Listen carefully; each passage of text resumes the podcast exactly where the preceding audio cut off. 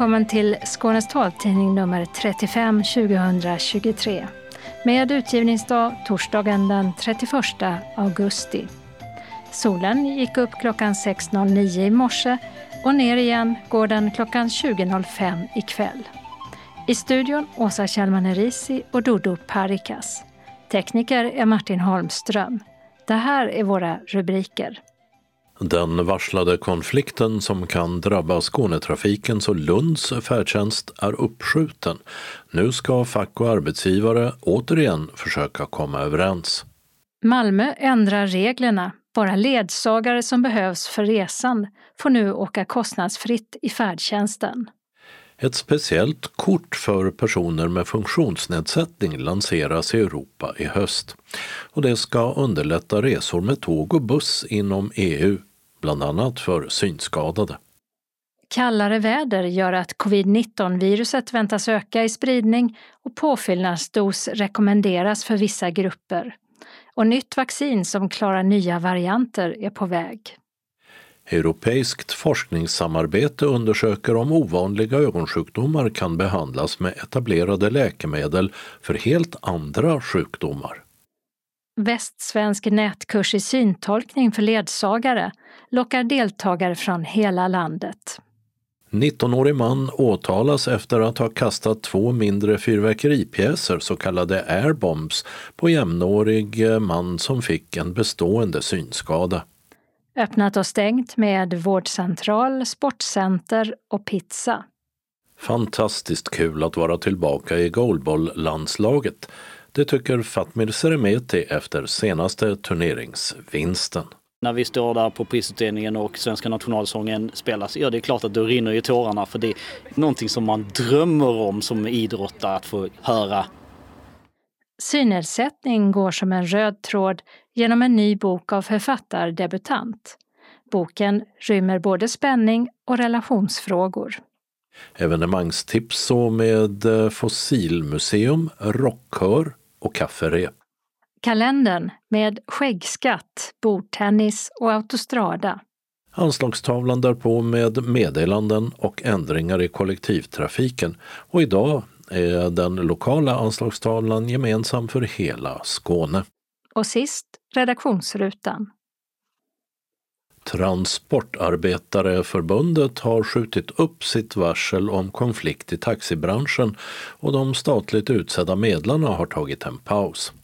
Transport och biltrafikens arbetsgivarförbund fortsätter istället att förhandla om löner och schemaläggning utan hjälp av medlare. Men om man inte kommer överens så kallas medlarna in igen torsdagen den 31 augusti.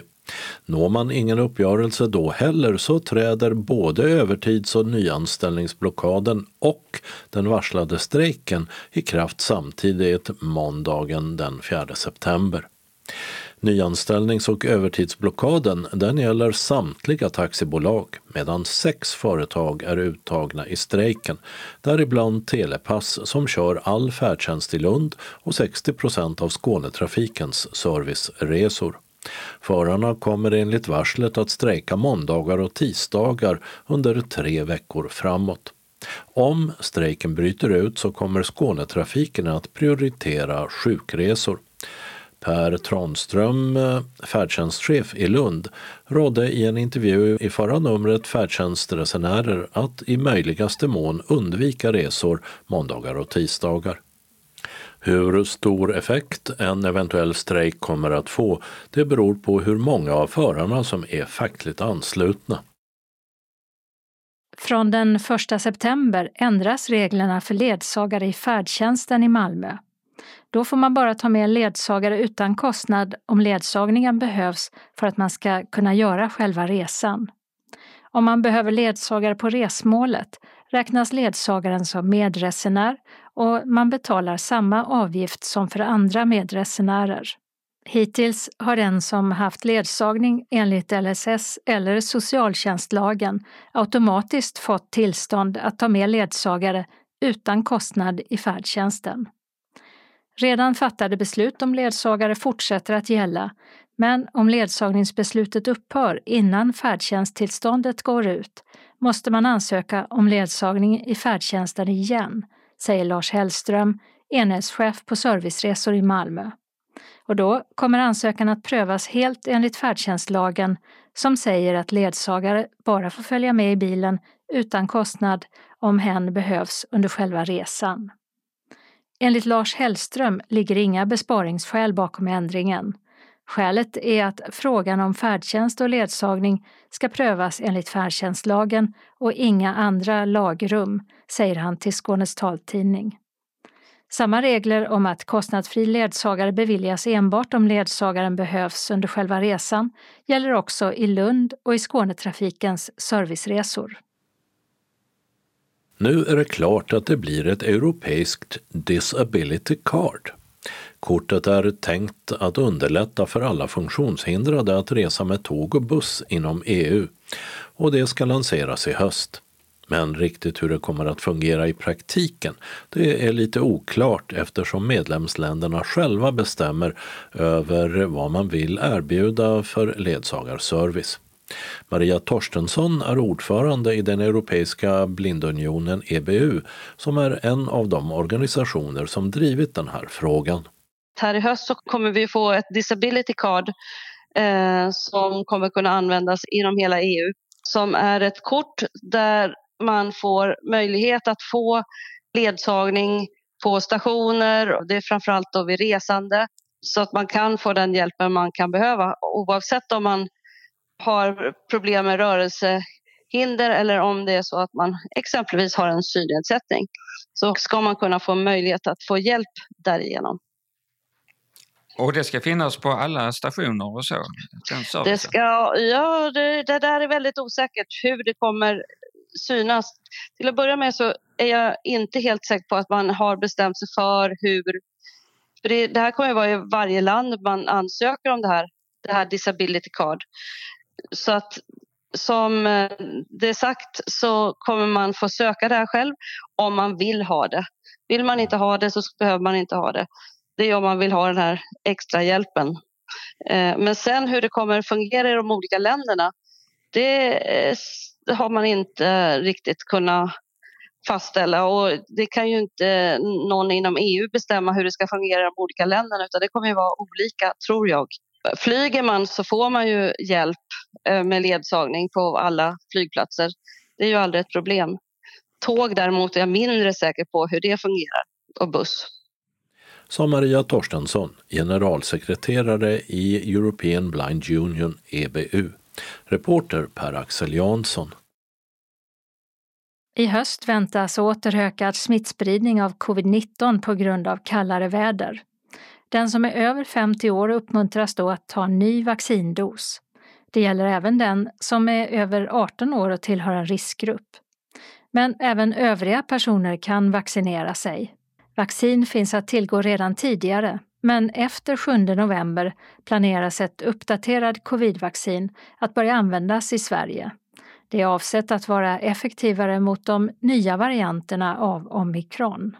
Den som är i riskgrupp är över 65 år eller gravid efter 12 veckan beräknas också att efter den 7 november kunna vaccinera sig mot årets säsongsinfluensa samtidigt som man får en ny dos covidvaccin. Det finns för närvarande närmare 190 vårdcentraler, både regionens och privata, som vaccinerar. Forskningskonsortiet Restore Vision har fått 90 miljoner kronor av EU. Pengarna ska användas till att försöka hitta botemedel för ett stort antal ovanliga ögonsjukdomar. Drygt 10 miljoner kronor av dessa pengar ska gå till den forskargrupp i Linköping som leds av professor Neil Lagali. Ja, det stämmer. Eh, det är ett eh, e EU-projekt eh, som går ut på sällsynta ögonsjukdomar som inte har någon bra behandling eller läkemedel idag. Um, och det vi ska göra är att um, testa nya möjliga läkemedel som kan um, ja, bättre behandla uh, dessa sällsynta sjukdomar, uh, framförallt i hornhinnan. Vad är det för sällsynta sjukdomar? Mm. Ja, eh, det är faktiskt sju olika sällsynta sjukdomar som till exempel anoredi är en av dem och eh, limbal stamcellsbrist i hornhinnan. En annan um, neurotrofisk keratit är en annan och graft versus host disease i ögat är också en. Så eh, idag eh, har vi inte så, så, många läkemedel eller bra sätt att behandla dessa sjukdomar. Professor Neil Lagali vid Linköpings universitet. Men vilka var de där sjukdomarna som han nämnde? Aniridi innebär att hela eller delar av regnbågshinnan saknas.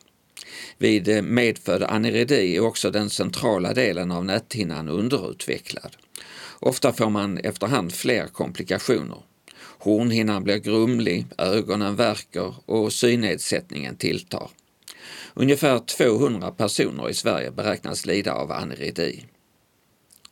Limbal stamcellsbrist innebär att de celler som behövs för att hornhinnan ska täckas med epitelceller är skadade, antingen från födseln eller genom en ögonskada. Neotrofisk keratit är en degenerativ sjukdom i ögats hornhinna.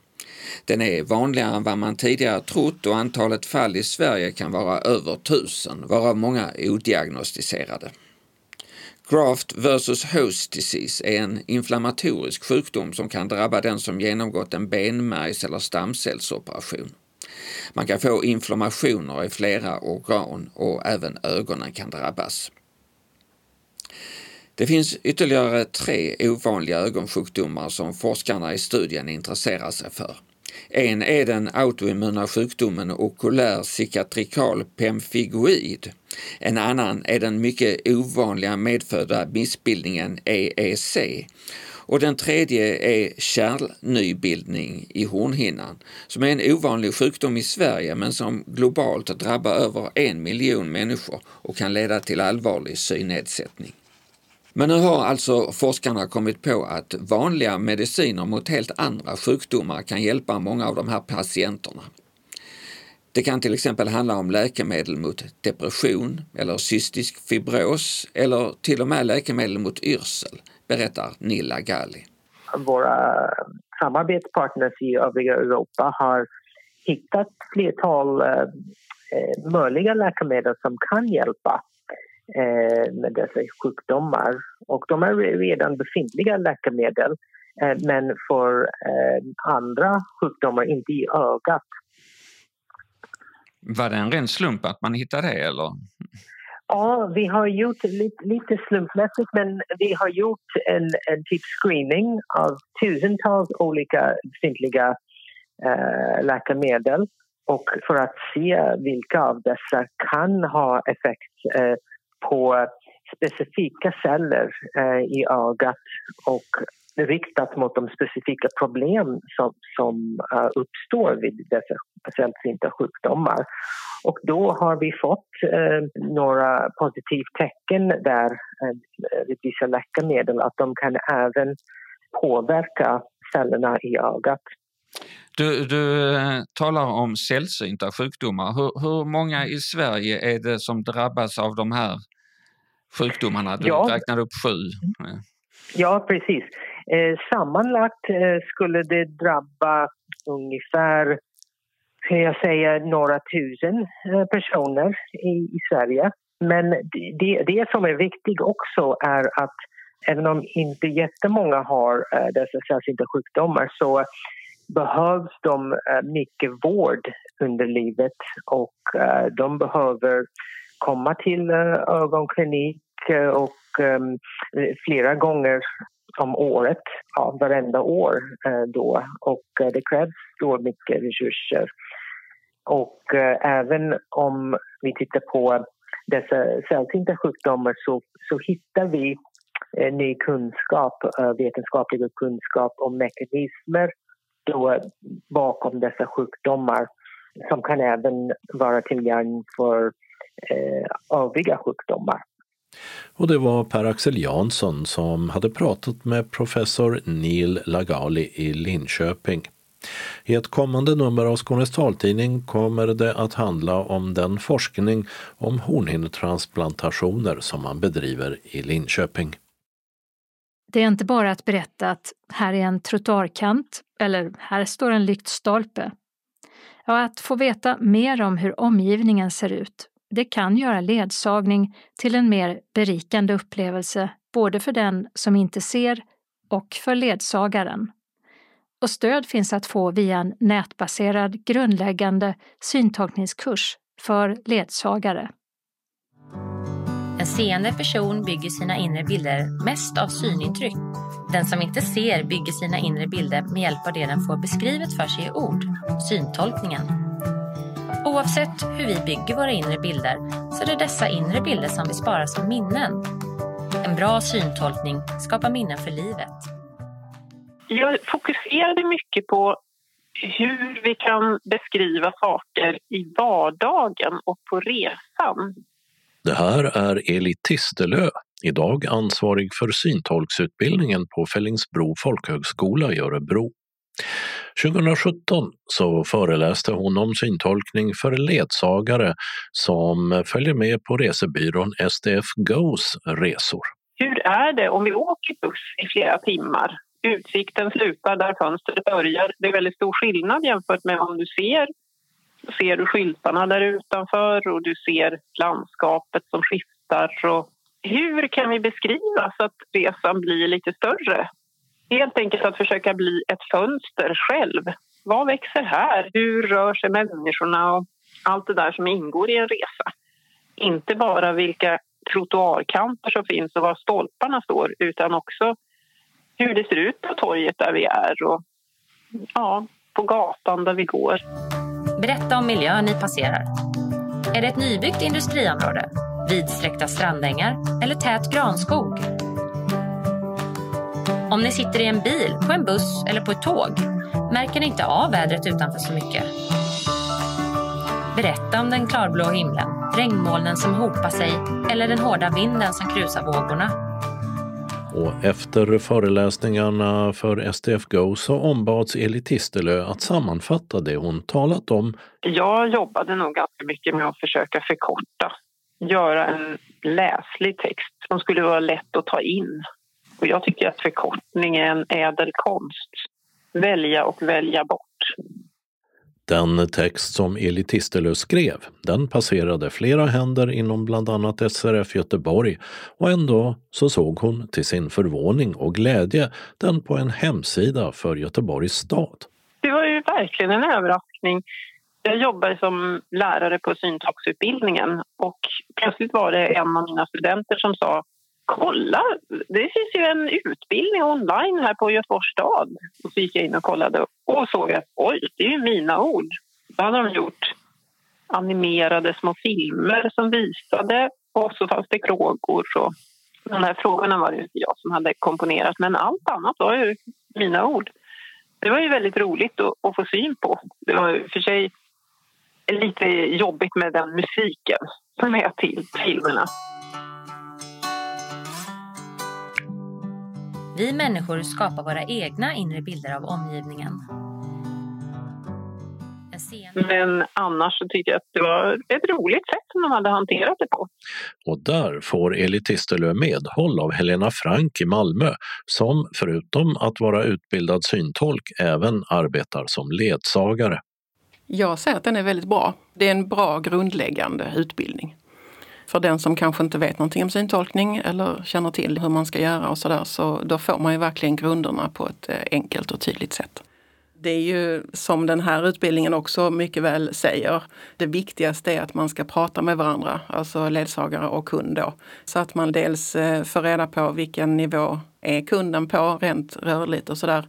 Och dels också hur mycket kunden vill veta helt enkelt. För att det är inte alls säkert att man vill ha syntolkning hela tiden om det är en gata som man brukar gå på eller sådär. Och jag tyckte det var väldigt bra. Det är ett avsnitt som handlar om att öppna dörrar. Nu kommer vi till en stängd dörr. Den går mot oss och handtaget sitter på din sida. Om handtaget sitter på samma sida som den du ledsagar, öppnar du dörren. Och det är faktiskt en sak som, som jag tyckte var bra här att jag fick en påminnelse om för att det glömmer jag bort ibland.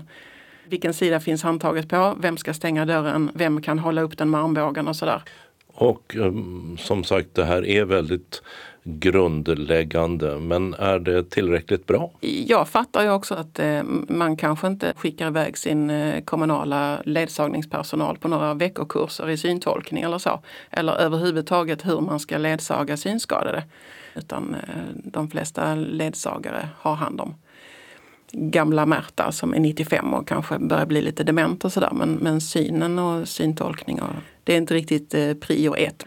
Jag tycker nog att det vore bra om man kanske hänvisade till den här utbildningen för att det kan ju mycket väl hända att någon som har haft ledsagning ett tag börjar se dåligt och kanske får helt andra behov. Och då är det ju den här länken ska man spara på eh, i så fall tror jag. Den här utbildningen är väldigt bra också för kunderna i sig. Att kunna kika på och kanske förstå också då att jaha, det här skulle jag kunna kräva av min ledsagare. Att hen berättar vad vi går förbi och sådär. För att det är ju mm, butiker och flyttar och byter adress och det byggs och det rivs och, och sådär. Så att eh, även om man eh, inte har flyttat från sin by så händer det ju saker ändå. Och det kan vara bra att få syntolkning. B båda sidor kan ha nytta av den här faktiskt.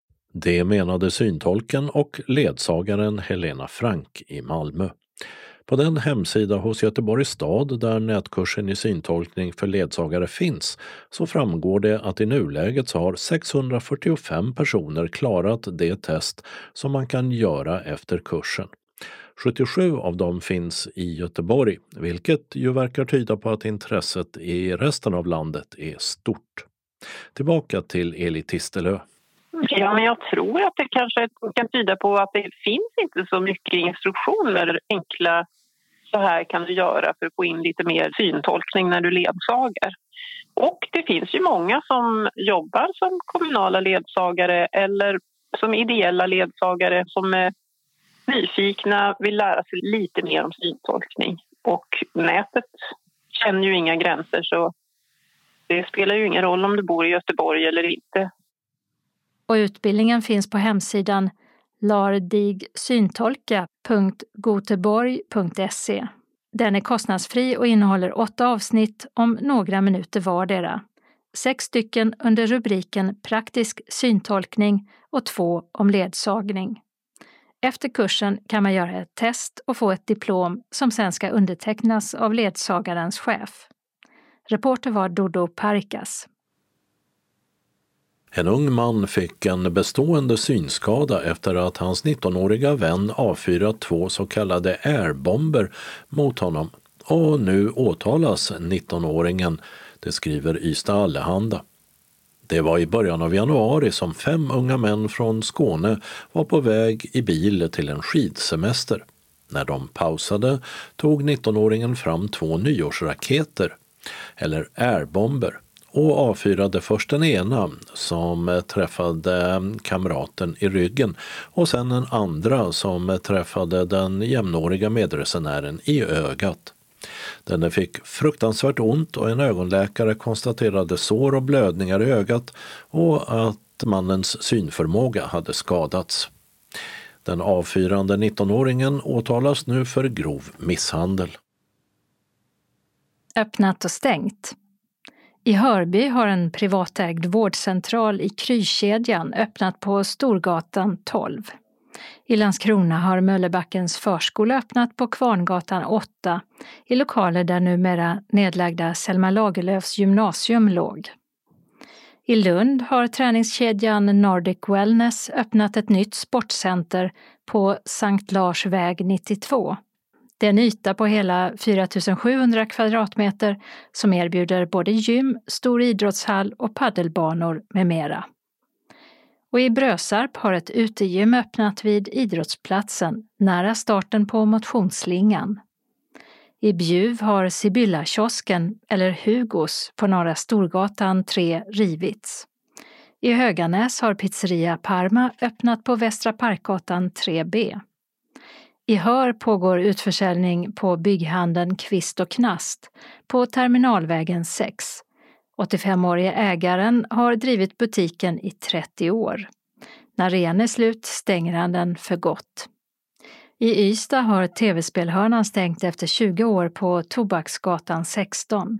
Försäljning av tv-spel och tillbehör fortsätter via nätbutiken.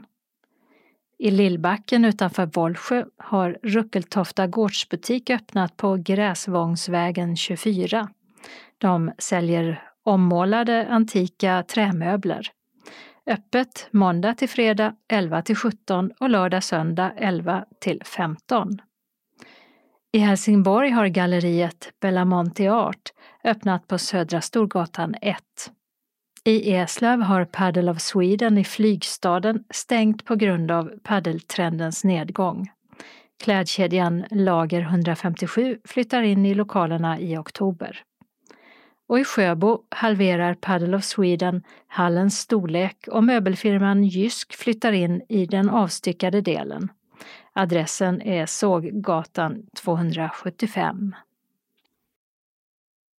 Häromveckan så vann Sverige guld i goalballens C-EM i Rotterdam.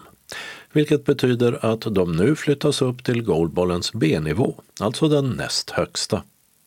Och tillbaka i blågul landslagströja är Fatmir Seremeti som tidigare varit med och tagit fina medaljer i både VM, EM och Paralympics till Sverige. Och att vinna den här turneringen, det tyckte han var riktigt härligt fantastiskt. Eh, vi fick verkligen ihop det spelmässigt, lagmässigt, eh, på alla delarna liksom klaffade ihop.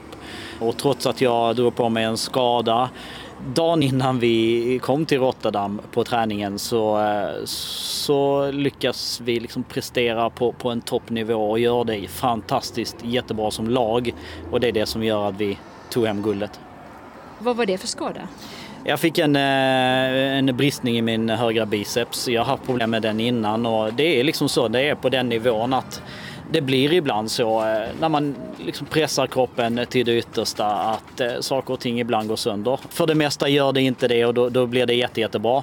Sen ibland så går man lite över gränsen och då, då, då blir det så liksom med elitidrottare. Men du kunde vara med och spela i alla fall? Jag spelade bara i försvaret i mitten som center och kunde inte bidra framåt alls. Men det som var så fantastiskt då det är ju att de här eh, unga grabbarna, Olof Ryberg, Felix Rosvall tillsammans med vår eh, rutinerade eh, räv Piotr Lavnitjak, de klev ju upp och, och, gjorde det fantastiskt bra. Olof gör 32 mål, vilket är liksom flest i turneringen. Flest i hans karriär på en tävling i landslaget. Så att det är, det är helt underbart att se de här unga killarna växa på det sättet. Men trots att du spelade enbart i försvaret så blev du utsedd till den mest värdefulla spelaren. Ja, det är såklart eh, jätteroligt att sitta här och, och få den eh, utmärkelsen såklart för det, det säger ju en hel del om liksom, ja men vad även spelare som kanske inte gör jättemånga mål, så jag brukar ju vara den som gör flest mål annars, men också har ett jättestor betydelse. Alla i ett goalbolag betyder jättemycket och här fick jag verkligen liksom ut min rutin och mitt lugn och mitt ledarskap till resten av gänget i, i, i truppen och i laget och, och, på planen. Vilket då också eh, de som utser eh, turneringens bästa spelare såg att, att jag fick med mig grabbarna och det är helt underbart att bli uppmärksammad för det. Är det en sån roll du kan tänka dig att ha framöver? Absolut, och det är nog hela tanken med min comeback var ju att jag skulle ha en sån roll där jag, där jag försöker vara lite ledare och, och leda de här grabbarna till eh, nya stordåd. Eh, jag kommer ju aldrig vara eh, på min bästa nivå så som jag har varit en gång i tiden men jag har en, en bra nivå men där jag kan verkligen bidra med det är mina ledaregenskaper. Och att komma ut i den blågula tröjan igen, hur kändes det efter ett uppehåll? Alltså det är alltid helt underbart. Det är fantastiskt. Eh, såklart när, när, när vi står där på prisutdelningen och svenska nationalsången spelas. Ja det är klart att då rinner ju tårarna för det, det, är, det är någonting som man drömmer om som idrottare att få liksom höra. Det, det är alltid en stor ära. Det är liksom något speciellt att spela för blågult. Hur svårt var det att spela och vinna den här gruppen, grupp eh, C? Det är jättesvårt numera i Europa finns inga enkla lag, det finns inga enkla matcher. Det finns inga enkla turneringar. Tänk då att tre av de här åtta lagen som var med här, de åkte ju ner från B förra gången, inklusive oss då. Och vi, vi skulle ta oss upp igen. Frankrike som eh, spelar paralympiskt på hemmaplan nästa år eh, var också med här och de blev fyra. De tar sig inte upp till B. Det finns inga enkla lag i goalball längre. Man måste vara på sin topp, alltid. Och vad är fortsättningen nu? Men nästa, nästa stora turnering är ju då B-EM i Italien nästa år. Eh, 30 maj till 11 juni. Så det gäller ju att förbereda sig för det. Vårt mål är ju såklart att ta ytterligare ett steg upp på eh, trappan till finrummet då som är AEM då. Och då måste vi bli topp tre där också, vilket vi har potential att göra. Men det, det, kräver ju att vi tränar stenhårt tills dess och, och är målmedvetna samtidigt som vi behåller den fina lagandan vi har. Vad betyder Magnus Wislander för det här? Ja, enormt mycket. Eh, och jag skulle ju säga att det är inte bara Magnus i sig utan det är teamet eh, runt Magnus också eh, med Stefan Garne, vår teamleader Peter Sjödin, eh, Soltan Sabo, vår, våra fysios och, och naprapater, liksom hela teamet. Eh, det, det är Magnus som får ihop den här eh, dynamiken liksom i det här laget. Eh, han har ju hållit på med det här på högsta nivå i så många år i sitt liv och han vet vad som krävs. Han vet hur man gör. Han vet vad han behöver säga i vilka tillfällen. Han vet när han behöver ryta till. Han vet när han eh, liksom ska prata mjukt med, med grabbarna och så. Eh, och det är klart att det betyder jättemycket att ha en förbundskapten som eh, har varit bäst i hela världen på det han gjort och då vet han precis vad han ska säga. Så hur länge blir du kvar? Åtminstone till BM nästa år. Eh, sen får vi se. Men, eh, men ja, det är klart. Det är mycket bestäms ju av hur min kropp mår och sådär också. Jag mår ju jättebra nu och nu blir det ett par veckor till här och rehab för biceps och sen får vi ju se. Eh, det är ju massvis med träning också. Jag ligger och tränar eh, ja, mellan 10 till 15 timmar, ibland uppemot eh, liksom 20 timmar i veckan träning och det, det är vad som krävs för att vara på den nivån. Framförallt när man är 40 som jag.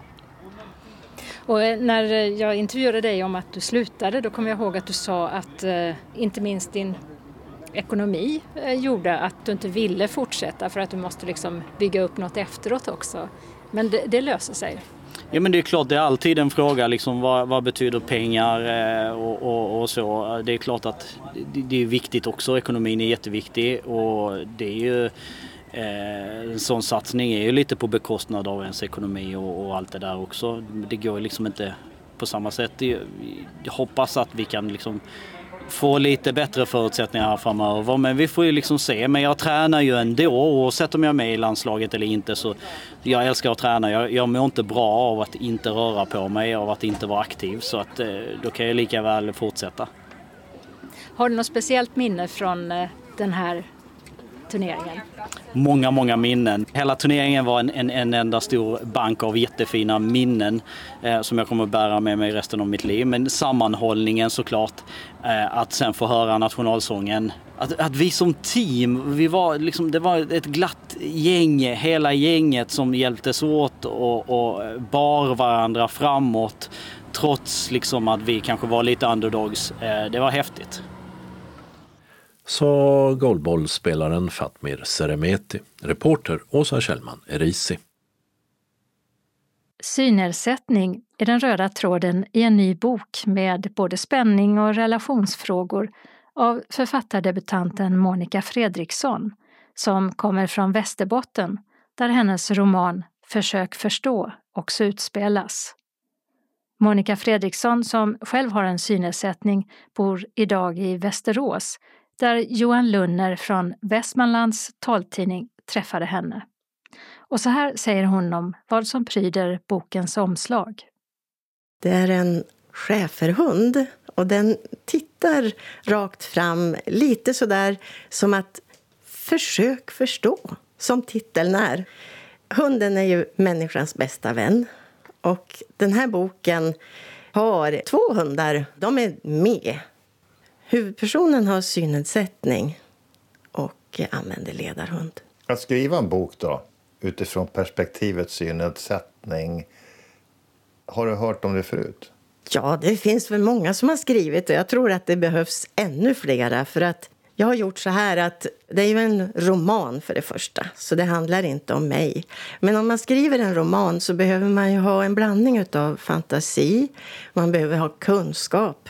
Och kunskap har jag om ämnet synnedsättning, så det har jag lagt in i handlingen. Fantasi måste man ha, så det har jag väl också då. Och sen har jag förlagt handlingen till en plats som jag tycker mycket om. Och det är Burträsk uppe i Västerbotten där jag har mina rötter. Och Burträsk är en ort som liksom är omfamnad av en sjö. Och där uppe kallar man alla sjöar för träsk. Därför heter det Burträsk. Och sjön heter Burträsket. Väldigt många av sörlänningarna här eh, har inte rest omkring där och kanske har svårt att geografiskt placera Burträsk. Var finns det? Tio mil norr om Umeå och fyra mil söder om Skellefteå. Fyra mil in från kusten. Och en vacker ort när man passerar den. Jag har inte stannat där så mycket. Den är inte så där jättestor.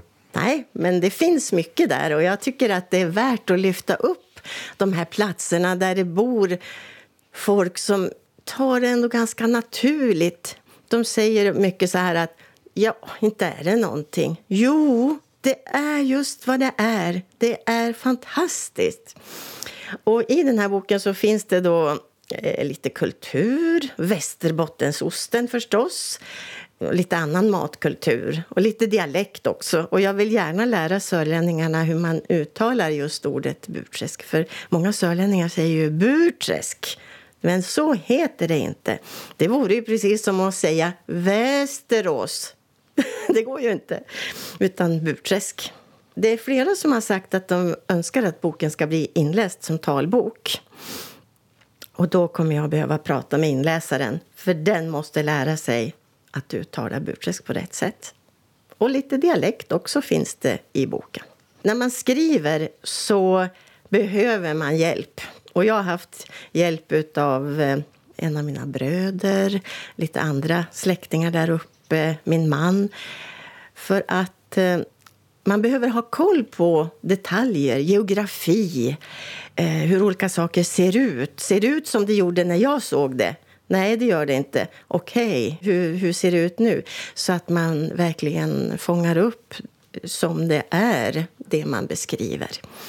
Man behöver också ha några som har lite distans till boken.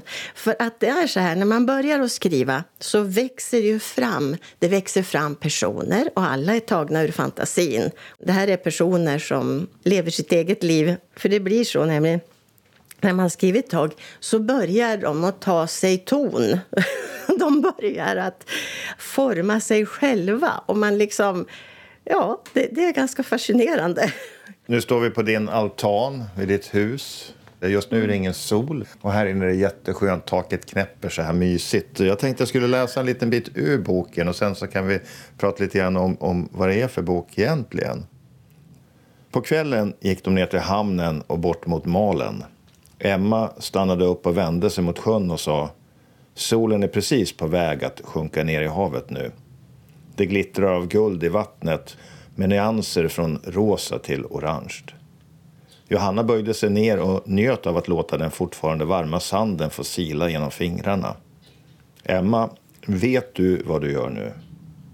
Ja, jag vet att jag njuter av en naturupplevelse. Okej, okay, det håller jag också med om, men du syntolkar. Dina ord förstärker det jag redan känner. Vad menar du egentligen med syntolkning? Det har blivit ett begrepp inom både film, teater och konst. Även stadsmiljöer och naturupplevelser kan syntolkas. Ja, ibland har jag tittat på något på SVT 24 och efter ett tag så har jag upptäckt att programmet är syntolkat och det har jag upplevt som en tillgång även för mig som ser. Där släpper vi boken. Vad handlar boken om? Den handlar om spänning, relationer, synnedsättning. Att hitta olika sätt att lösa problem på med, med synnedsättning. Jag tänker så här, alltså, det, att skriva tycker jag är som att ha en stickning i handen. Orden är stickorna och sen garnet, det är berättelsen som växer fram och blir till en produkt. Och i det här garnet så måste man ha en röd tråd. Och I den här boken så är just synnedsättningen röd tråd. Men för att få läsaren intresserad så har jag ju bäddat in det i spänning och i relationer, lite filosofiska tankar också. På köpet så får ju läsaren då veta lite mera om hur en person som inte ser kan lösa sin vardag och sitt yrkesliv och sitt liv. Om vi skulle kategorisera den i någon typ av bok, är det en kärleksroman, en spänningsroman, en deckare? Var skulle du sätta den? Mera åt spänningsroman. Den är på 226 sidor i tryckt svart text. Och jag blir lite kär när jag ser den här hunden på framsidan som viker huvudet på sidan och, och ber om någonting. På baksidan, där är det en lite mindre bild. Mm. Och det är du, men det ser inte riktigt ut som sjön där uppe. Nej, det, det får jag väl erkänna. Då. I det här fallet så är det faktiskt Siljan. Och om man tittar riktigt noga så lite längre bort ifrån mig, då, jag sitter lite närmast på bilden, där ligger det ett ankare. Och alla behöver vi ha ett ankare i livet. Sen står det en människa också. Och den speglar sig i vattnet. Och vi speglar oss ju i varandra. Så det tycker jag också var fint. Men det är nog knappt så att man ser. Men nu har jag syntolkat det för er i alla fall. Din syn för de som inte känner till det? För mig då så är det så att jag, jag har ett visst intryck. Jag ser någonting, men jag ser inte vad det är. Så i mitt huvud finns alla bilderna. Eh, och de uppstår utifrån det jag hör, det jag känner, det jag doftar och, och, så blir det någon mix av bild. Men jag upplever ju liksom bilder därigenom att, att jag har bilderna i huvudet. Det är helt naturligt. Att skriva då? Hur gör man då och hur fungerar det? För mig så fungerar det så här. Först så måste man ha någonting som trycker på. Någonting som... Alltså, oh! Jag vill berätta det så mycket så att jag inte kan låta bli. Det tror jag är det första. Det andra är att man jag tror att man måste tycka om språket. Jag hade ett dokument som jag sparade under fina sägningar ord som jag tyckte om och meningar som jag tyckte om som jag sparade på som jag kunde använda i boken. Sen tror jag att man behöver ha fantasi. Sen kan ju en bok det kan ju vara så olika. Man kan ju skriva mer åt faktahållet. Jag har ju vant, valt att göra en skönlitterär bok. Och det tog ett och ett halvt år att skriva boken färdigt. Vad var viktigast för dig då, i berättelsen? Det var att det blev en balans i själva handlingen av spänning och relationer. Och att den röda tråden med synnedsättning fanns där. Själva huvudsyftet är ju att vi är ju alla bara människor. Det är det enda vi är. Och Vi föds till ett liv, och det livet har vi rätt till. Det är inte så att man föds... Ja, du har lite rätt till livet. Ja, du Johan har ganska lika stor rätt till livet. Nej, det funkar inte så. Vi har alla fått ett liv och det livet har vi rätt till.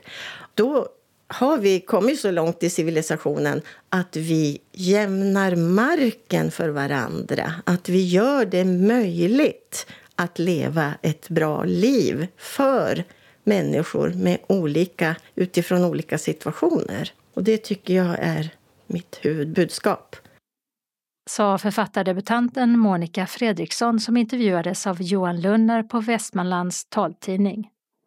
Fredrikssons bok Försök förstå finns i punktskrift. Den ska även läsas in som talbok och beräknas vara klar inom kort. På en fråga från Skånes taltidning om det skulle vara möjligt för Monica Fredriksson att bistå med uttalsråd inför inläsningen svarar Myndigheten för tillgängliga medier, MTM, så här i ett mejl. MTM har brukat producera neutrala inläsningar av böckerna, dels för att undvika att inläsaren tolkar texten åt läsaren och dels för att inte störa läsupplevelsen för låntagaren. Vi har inte möjlighet att ta emot önskemål om till exempel uttal i en talbok. Vi regisserar inte läsningen utan ansvaret för utformningen av inläsningen ligger hos det av oss upphandlade produktionsbolaget evenemangstips och vi börjar med syntolkad TV. Den nionde säsongen av Maria Wern, kriminalserien som utspelas på Gotland, visas i TV4 i höst. De första avsnitten har sänts. Avsnitt 4 sänds 6 september, avsnitt 5 den 12, avsnitt 6 den 13, 7 den 18 och 8 den 20 september. Alltihopa 21.00. Syntolkningen finns som vanligt att nå via tv4.syntolken.se. TV och en 4 i början. För den som vill läsa om Maria Wern i bokform så finns flera av författaren Anna Janssons kriminalromaner som talböcker, en del även i punkt. Backåkra poesi och prosa är en litterär festival på Österlen nu i helgen med Mats Söderlund, Toja Nieminen Kristoffersson, Marie Lundqvist, Pierre Schori, Susanna Alakoski och Elisabeth Gerle. Det blir eh, poesiläsning, författarsamtal, workshops, musik, öppen scen, bokbuss, antikvariat med mera. Kulturcentralen säljer biljetterna som kostar 250 kronor. 2 september är tiden 14 till 18.30, 3 september 11 till 18.15. Adressen är Backåkravägen 73 i Löderup. Allsång med Operan är namnet på, just det, allsång på bland annat Malmö Opera med Richard Söderberg som konferencier och allsångsledare samt dessutom en lång rad andra medverkande på scen. På Malmö Opera sjungs det nu på lördag 2 september 15.00 till 16.10. Biljetterna kostar mellan 190 och 260 kronor. Det går då också att beställa operans så kallade klassiker, räkmacka, kransekeye och kaffe för 225 kronor och detta serveras då innan allsången. 3 september 15.00 till 16.20 flyttar allsången till konsertsalen på Dunkers kulturhus i Helsingborg och där medverkar även Helsingborgs kammarkör och Backakören. Biljetterna på Dunkers kostar 330 kronor. 260 med kulturkort. På Sporrakulla gård i Östra Göinge spelar teatergruppen Kuppmakarna friluftsteater med snapphanetema 3 september 14.00 och 17.00. Oro i Sporrakulla heter föreställningen. Vuxna betalar 150 kronor, 13 till 18-åringar 50 kronor och den som är yngre än så går in gratis. Information och bokning telefon 0733 24 80 89. Adress Drakeberga, Glimåkra. CSK, eller Centralsjukhuset i Kristianstad, fyller 50 år på sin nuvarande plats.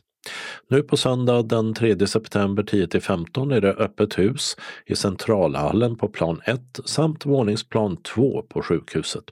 På plan 2 ligger salen Hanö-Lindö vid målpunkt H. Där blir det en föreläsning om vården i Kristianstad i början av 1900-talet och hur den sedan utvecklades, varför sjukhuset ligger där det ligger, hur sjukdomar behandlades för 50 år sedan och vad som hänt sedan dess. Föreläsningen ges två gånger, 11.00 och 13.00. Det är fri entré. Tomelilla rockkör uppträder på mötesplats Café Kryddan, Byavägen 37 i just Tomelilla 6 september 13.30. Arrangör är Röda Korsets anhörigstöd. Fika serveras och passar väderleken så håller man till utomhus. 4 oktober är temat Trygg i Tomelilla där kommunpolisen och en fältassistent berättar och svarar på frågor. Mer information kan fås på telefon 0417 183 79. Geologins dag äger rum 9 september. I Skåne uppmärksammas detta bland annat på det nya mineral och fossilmuseet i Föreningarnas hus Östra järnvägsgatan 8, Lönsboda som har öppet hus mellan 14 och 16. Lövestads brandkår välkomnar till öppet hus 9 september på brandstationen Stora Norregatan 10 i Lövestad mellan klockan 11 och 14. Det bjuds på kaffe och bulle och anordnas lotteri. Och brandbilarna är öppna för att kännas och klämmas på. hyllningskonserten She's got the look till Marie Fredrikssons minne med Jam Ladies, Jenny Terneberg, Anna Strandberg och Mia Stegmar spelas på Ystad teater 9 september 19.00. Biljetter kostar 395 kronor. Den 16 september 15.00 och 19.30 spelas Från Broadway till Duvemåla en föreställning med örhängen ur älskade musikaler med bland annat Laila Adel Åldersgräns 13 år på grund av ljudnivån. Biljetterna kostar mellan 495 och 595 kronor. 20 september 19.30 till 22.00 heter programmet Dansband Deluxe med musik av kända dansbandsveteraner på scen och så hela Sveriges dansbandsexpert Thomas Deutgen som programledare. Pris 625 kronor. Till konserten I natt i hela stan vår med bandet Noise 30 september 19.30 är det i princip utsålt men till 16.00 samma dag finns det plats. Och priset för att se och höra 80-talets ungdomsidoler är 595 kronor. Alltihopa alltså på Ystad teater. Och nyss nämnda Från Broadway till Duvemåla ges även på Malmö Live 17 september 16.00 och knappt två timmar framåt. Biljetterna kostar mellan 395 och 695 kronor. 11 september 18 till 19.30 blir det After Work med Skånska Akademin i Piratensalen på Grand Hotel vid Bantorget i Lund. Det blir två korta föredrag med paus och mingel emellan. Astronomen Peter Linde ger en utblick mot oändligheten och domkyrkokaplan Lena Sjöstrand berättar på temat Domkyrkan 900 år, domkyrkans rötter och framtid. Det är ingen föranmälan och det är fri entré. Kafferep med Hasse och Monica blir det i Orangeriet i Norrvikens trädgårdar i Båstad 19 september, 17 oktober och 24 november mellan 14 och 16. Hasse och Monica heter Andersson och Forsberg i efternamn och det är alltså den folkkäre musikern som tillsammans med sin fru, musiker hon också, bjuder in till eftermiddagar med musik, tävling och fika. Pris 320 kronor inklusive kaffe med dopp. Bokning via hemsidan norrvikenbastad.se. För information eh, så är telefonnumret till Norrvikens trädgårdar 0431 30 21.00 Det är det här vi kallar kärlek är en musikal som bygger på 26 kända slagerlåtar däribland Främling, Bra vibrationer, Eloise och Diggiloo Diggiley. I rollerna bland annat Elsa Lindström, Magnus Skogsberg och Bruno Mitsogiannis. Spelas 22 september till 10 december på Nöjesteatern i Malmö. Det går även att boka pausförtäring eller en hel middag på Nöjesteaterns restaurang. Julius har biljetterna som kostar 850 kronor för slagermusikalen och mellan 265 och 495 för förtäringen. På biblioteket i Skurup läser dragartisten Inga Tvivel sagor för barn mellan 3 och 9 år den 23 september 14.00 och 15.00. Gratisbiljetter måste hämtas på biblioteket som ligger på Stora Kyrkogatan 31. Och 5 oktober när Nobelpriset i litteratur tillkännages så kan man följa tv-sändningen eh, av det på biblioteket 13.00. Showen i huvudet på Claes Malmberg beskrivs som en komisk resa genom 40 år av scenkonstnären Malmbergs liv. 29 september 19.00 uppträder han på Kulturkvarteret i Kristianstad. Biljetter 595 kronor. En värld av Skifs är Björn Skifs kritikerrosade show som mellan eh, 5 oktober och 25 november spelas på Amiralen, Amiralsgatan 46 i Malmö. Det går att boka enbart showbiljett för 595 kronor och då är det ståplats som gäller för sittplatserna gick åt på en gång. Show plus mat kostar 1595 eller 1795 kronor. Drycker kostar mellan 249 och 595 kronor därtill. Julius säljer. Vokalgruppen The Manhattan Transfer är på en avskedskonsert världen runt. 8 november 19.00 är de på Nöjesteatern i Malmö. Julius säljer biljetter för 870 kronor. Biljettinformation Kulturcentralen telefon 040 10 30 20. Malmö Opera 040 20 85 00.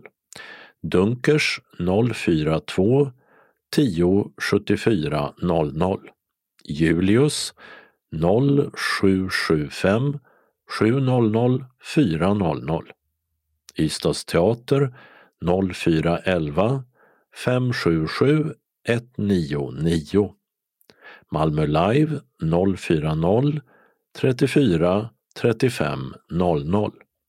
Kulturkvarteret i Kristianstad 0709 20 58 04 eller via Coop Galleria Boulevard 010 747 2272. Kalendern för årets 36 vecka tar sin början måndag 4 september då Gisela har namnsdag. Detta datum har det förflutit ett kvarts sekel sedan det amerikanska, numera multinationella teknologiföretaget Google bildades 1998 av två studenter vid Stanford-universitetet i Kalifornien. Och att googla var ännu inte ett vanligt svenskt verb. Länge har Google betraktats som ett av världens mäktigaste företag men i och med AI pågår en strid med bland annat Microsoft om första platsen. Tisdag 5 september är Adelas och Heidis namnsdag. Övergången till batteridrivna bilar flyttar ett steg vidare i och med att Scanias nya batterifabrik invigs i Södertälje av näringsminister Ebba Busch. Satsningen här gäller främst elektrifiering av tunga fordon. Och i tider när Ryssland betraktar den västliga världen som sin fiende nummer ett kan det vara lämpligt att påminna sig om vad som hände för 325 år sedan, nämligen att tsar Peter den store införde en särskild skatt för ryska män som hade skägg. Allt för att de i ren snålhet skulle raka sig och därmed se mer västerländska ut. De enda som slapp var präster och bönder. Onsdag 6 september är det Lilians och Lillys tur att fira namnsdag. Torsdag 7 september har Kevin och Roy namnsdag. Och i Brasilien högtidlighålls självständigheten från Portugal som deklarerades detta datum 1822. Och det här är Brasiliens nationaldag. Fredag 8 september firar Alma och Hilda namnsdag. 70 år fyller denna dag Sveriges första motorvägssträcka, den mellan Malmö och Lund. Den kallades Autostradan enligt italiensk förebild och planerades redan 1941 men andra världskriget satte P för bygget då. Invigningen förrättades av prins Bertil, farbror till vår nuvarande kung. Bertil brukade kallas Motorprinsen på grund av sitt stora bilintresse. Ett intresse som kunnat ta slut i sin linda eftersom prinsen som 16-åring rattade en Chryslerbil som vurpade och en av hans skolkamrater avled. Felet ansågs dock vara den dödes eftersom han ska ha försökt rycka åt sig ratten och Bertil slapp undan med böter. Detta är även internationella läskunnighetsdagen. Läskunnigheten bland fjärdeklassare i Sverige har gått ner på senare år enligt PIRLS, en internationell studie som jämför läsförmåga och inställning till läsning. Men Sverige står sig ändå bra i en internationell jämförelse. Pandemin kan vara en anledning till nedgången som även märks i andra länder. I Frankrike drar rugby-VM igång, men Sverige har inte kvalat in. Sydafrika är regerande mästare internationellt och här hemma är klubben Pingvin RC från Trelleborg regerande svenska mästare. Tv-personligheten och mångårige programledaren, komikern, singer-songwritern med mera Anders Lundin fyller 65 år. Senast har han bland annat varit programledare för dokusåpan Robinson och även för Allt för Sverige där svensk-amerikaner löser uppgifter och letar svenska rötter. Tidigt i sin karriär var Lundin även med i barnprogrammet Björnes magasin. Lördag 9 september är Anitas och Anettes namnsdag och i diktaturen Nordkorea har detta datum 75 år förflutit sedan staten utropades av Kim Il-Sung som förvandlade det till en familjestyrd diktatur med personkult. Och det här är Nordkoreas nationaldag. Och så har fem år passerat sedan brottaren Frank Andersson gick bort. De framgångsrika idrottarna Andersson, skidåkaren Ingemar Stenmark, tennisspelaren Björn Borg, friidrottaren Linda Haglund och längdskidåkaren Thomas Wassberg brukar kallas 56orna eftersom alla föddes 1956. Och hela gänget erövrade med tiden ansenliga mängder medaljer. Linda Haglund, eller som hon senare hette Linda McTeer, gick bort redan 2015. I Tallinn möter de svenska fotbollsherrarna det estniska landslaget i EM-kval. Efter förlusterna mot Belgien och Österrike är dock Sveriges chanser att nå EM mycket små. Det här är även geologins dag med en rad mineralrelaterade evenemang landet runt. Söndagen den 10 september infaller en dyster årsdag. 20 år har gått sedan Sveriges utrikesminister Anna Lind knivhöggs på varuhuset NK i Stockholm och avled morgonen därpå. Internationella suicidpreventiva dagen uppmärksammas på många håll i Sverige för tjugonde gången med föreläsningar om förebyggande av självmord och även ljusmanifestationer i många städer, bland annat Lund, Eslöv och Hässleholm. I Malmö drar EM i bordtennis igång och det är främst på herrsidan som medaljchanserna finns. Dels genom skåningen Truls Mörgård som är rankad femma i världen och dels i dubbel genom paret Falk Karlsson som eh, både vann VM 2021 och EM 2022.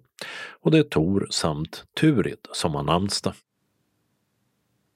Den regionala anslagstavlan börjar med ett meddelande från nätverket Synskadade flerfunktionsnedsatta, SFF, och SRF Skåne som bjuder in till Teams-café med Myndigheten för tillgängliga medier, MTM, den 13 september. Det ska handla om tillgänglig kommunikation och läsning och om taktilt lärande. Vi kommer även att prata om lättläst punktskrift, bildstöd vid neuropsykiatriska funktionsnedsättningar och hur man tyder dyslexi hos blinda. Medverkande är bibliotekarier för barn och vuxna och MTMs punktskriftsservice som berättar om vad de kan göra för punktskriftsläsare. Allt detta är alltså onsdagen den 13 september klockan 18.30 i SFF Teamsrum vid det digitala mötesverktyget Teams. Efter anmälan får våra deltagare ett mejl med länk dit, telefonnummer och snabbguide till Teams. Du kan anmäla dig redan nu till MIA e-post mia.oct75 gmail.com eller ring 070-55 12 448. Varmt välkomna till höstens första café hälsar nätverket SFF. Och så ett meddelande från Synskadades riksförbund Malmö Svedala som bjuder in till den syntolkade teaterföreställningen En familj på Malmö stadsteater, Hippodromen, Kalendergatan 12 i Malmö, onsdagen den 4 oktober 18.15. Och föreställningen börjar klockan 19 och är tre timmar lång inklusive paus. Handling skulle du önska att du kunde lära känna dina föräldrar, syskon och andra släktingar lite bättre? Eller håller du dem helst på avstånd? Sanningar, lögner, otrohet, missbruk, separationer och kärlek. Hemma hos den dysfunktionella familjen Weston har väggarna hört många hemligheter. Tre systrar kommer hem till mamma Violet efter att pappan försvunnit. Violet är familjens pillerknarkande matriark och tycker alla runt henne är så himla överkänsliga. När pappan hittar stöd och släkten samlas till begravningsmiddag i det stekheta huset i amerikanska mellanvästern är konfrontationen ofrånkomlig. Vi har förbokat ett begränsat antal biljetter. Anmäl dig till kansliet. Telefon 040-25 05 40 eller mejl info srfmalmo.se senast fredagen den 8 september. Och vid anmälan berätta om du behöver lur och eller ledsagning. Meddela även om du vill ha ett inbetalningskort. Priset är 400 kronor, betalning till bankgiro 192-9645 eller swish 123 077 8050 senast fredag den 22 september och skriv en familj och namnet på deltagaren vid betalningen. Biljetterna delas ut på plats. Medlemmar från andra delar av Skåne är också välkomna. För dessa utgår resersättning som vanligt från SRF Skåne för resor utanför Malmö. Kvitto ska då skickas in inom tre månader efter syntolkningstillfället. För frågor ring Maj-Britt Ryman 070-324 6609. Hjärtligt välkomna önskar styrelsen. SRF Malmö Svedala bjuder också in till syntolkad opera i två akter, Don Giovanni. Söndagen den 19 november klockan 16 till 19.15 med samling klockan 15 på Malmö Opera, Östra Rönneholmsvägen 20. Priset är 695 kronor. Ledsagare går kostnadsfritt. Och föreställningen börjar klockan 16 och håller på i cirka 3 timmar och 15 minuter inklusive paus. Handling. Den gamla legenden om kvinnotjusaren Don Giovanni, Don Juan, som både förför och förstör i sin ständiga jakt på nya äventyr, har fascinerat människor i alla tider. Mozart och den italienska librettisten Lorenzo da Ponte skrev tre operor tillsammans. Operan anses innehålla en del av Mozarts allra bästa musik. Don Giovanni är en arrogant och fullkomligt skamlös adelsman. Hans största nöje är att erövra kvinnor. Och det ställer till problem med arga fäder, svartsjuka pojkvänner och modiska äkta män. Medan Don Giovanni drar vidare på ständigt nya äventyr förväntas hans tjänare Leporello städa upp spillrorna efter hans framfart. Ett ganska otacksamt jobb som börjar gå Leporello på nerverna.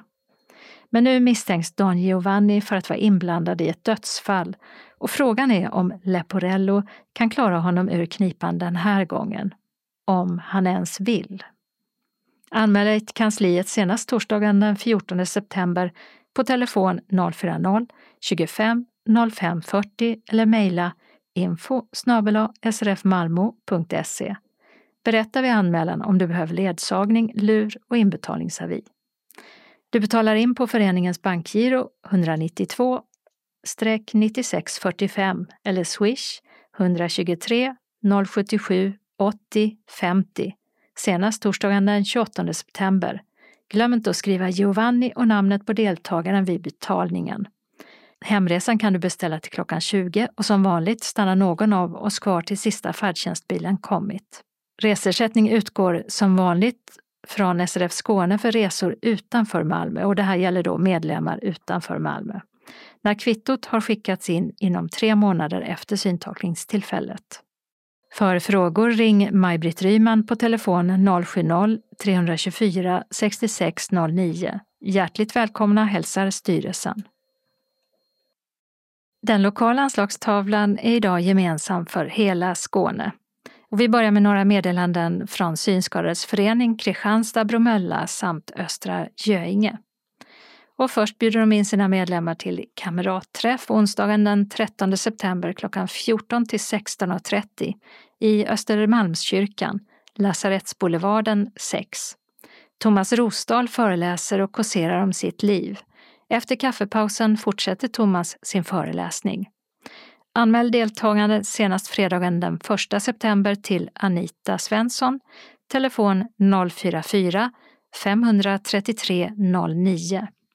Om Anita inte kan svara, var vänlig anmäl till telefonsvararen så hör hon av sig och glöm inte uppge ett telefonnummer. Anmälan kan också göras på anitasvensson 109 gmail.com och ange eventuell matallergi.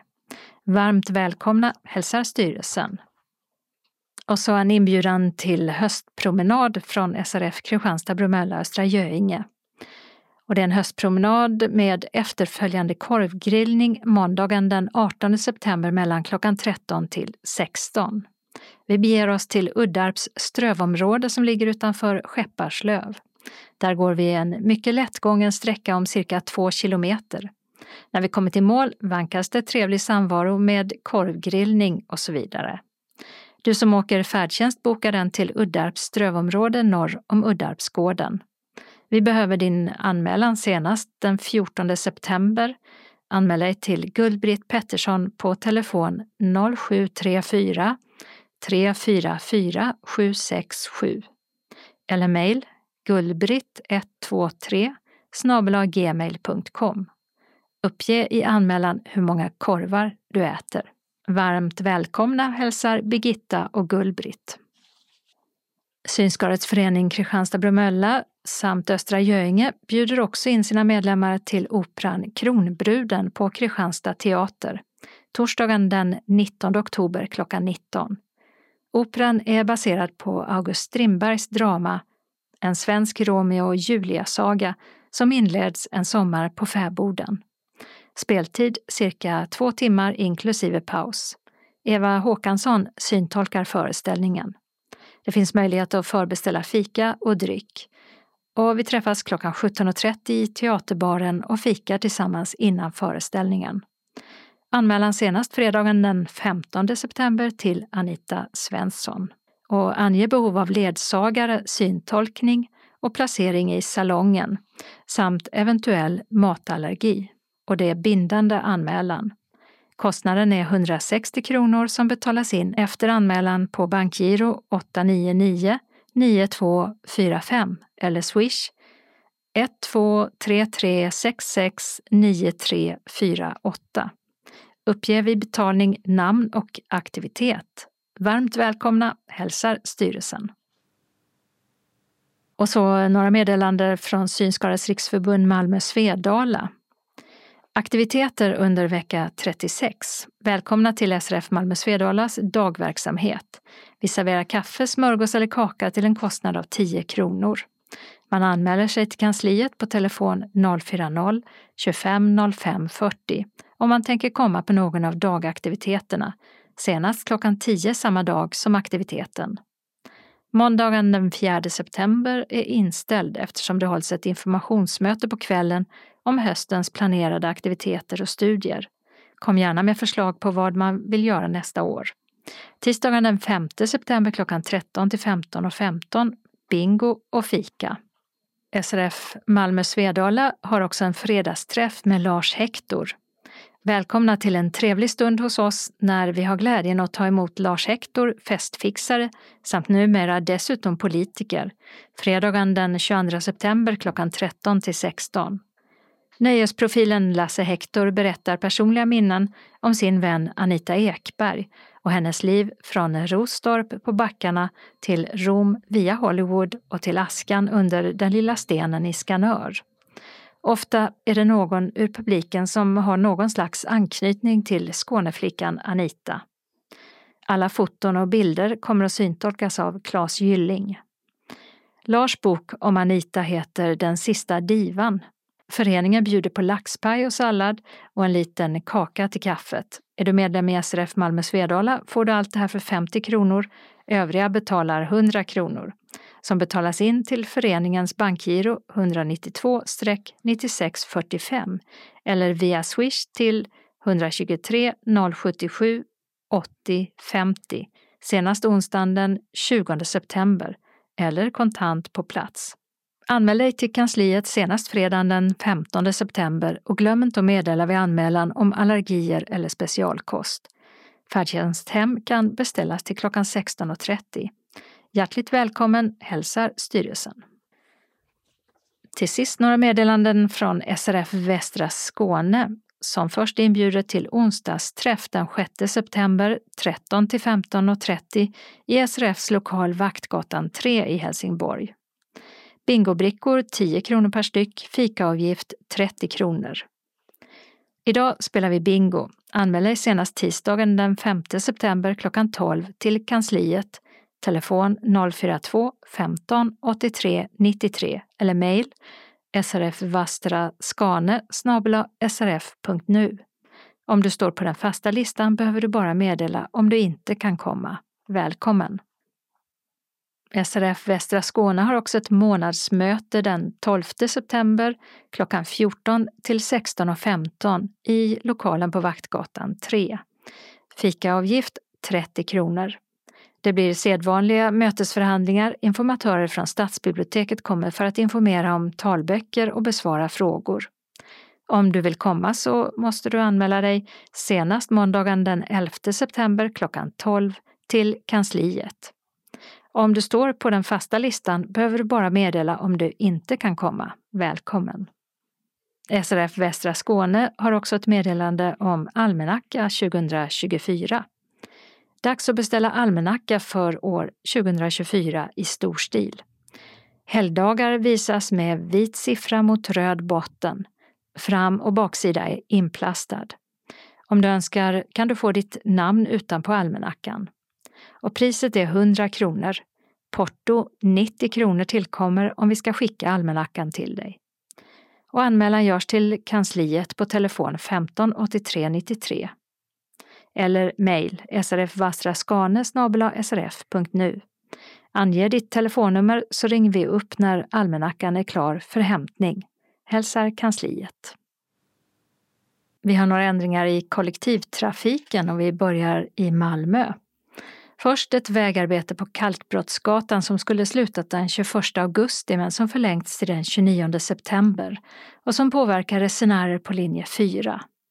Hållplatser som är fortsatt stängda är Bunkeflostrand, betalstationen, läge A och B. Resenärer tar istället bussen från hållplats Bunkeflovägen, läge A och B på Kalkbrottsgatan. Ett grävarbete på Neptunigatan som redan är igång innebär att en hel del hållplatser stängts för flera busslinjer i Malmö eftersom Neptunigatan är avstängd i båda riktningarna fram till den 29 september. Linjer som påverkas är 7, 8, 10 och 47. Och vill man ha mer detaljerad information och hänvisningar om tillfälliga hållplatslägen kan man ringa Skånetrafikens kundtjänst på telefon 0771 77 77 77. I Malmö påverkar också midnattsloppet busstrafiken. Loppet pågår nu på lördag den 2 september från 20.45 till just midnatt. Och på grund av evenemanget ökar risken för förseningar för linje 1, 2, 3, 4, 5, 6, 7, 8, 10, 35 och linje 150. Och för linje 3, 8 och 10 påverkas även några hållplatser som stängs under tiden loppet går. Och det är Propellergatan läge A och B, hållplats Malmö Kockums läge A och B, hållplats Malmö Turning Torso läge A och B och även hållplats Malmö Scaniabadet läge A och B. Och de är alltså stängda från 20.45 till 24 på lördagskvällen och natten. Vi har i ett tidigare nummer av Skånes taltidning berättat om ett vägarbete i Helsingborg på Romares väg som stänger hållplats Rådmansgatan. Detta vägarbete som berör resenärer på linje 3 och 6 är förlängt till den 22 september. För linje 3 ersätter en tillfällig stolpe 150 meter åt sydväst på samma gata. För linje 6 ersätter en stolpe lika långt bort fast söderut på Norra Stenbocksgatan. Och det här var allt för Skånes taltidning för den här gången. Nästa gång vi kommer ut, då är det torsdagen den 7 september. Skånes taltidning ges ut av Region Skånes psykiatri och habiliteringsförvaltning. Ansvarig utgivare är Martin Holmström. Postadress Jörgen Ankersgatan 12, 211 45 Malmö. Telefon 040-673 0970. E-post Skanes taltidning snabela skane.se och hemsida skanestaltidning.se. Observera att CD-skivorna inte ska skickas tillbaka till oss. Såväl skivor som kuvert kan läggas i brännbara sopor när ni inte längre vill ha dem. Vi hörs igen. Hej då!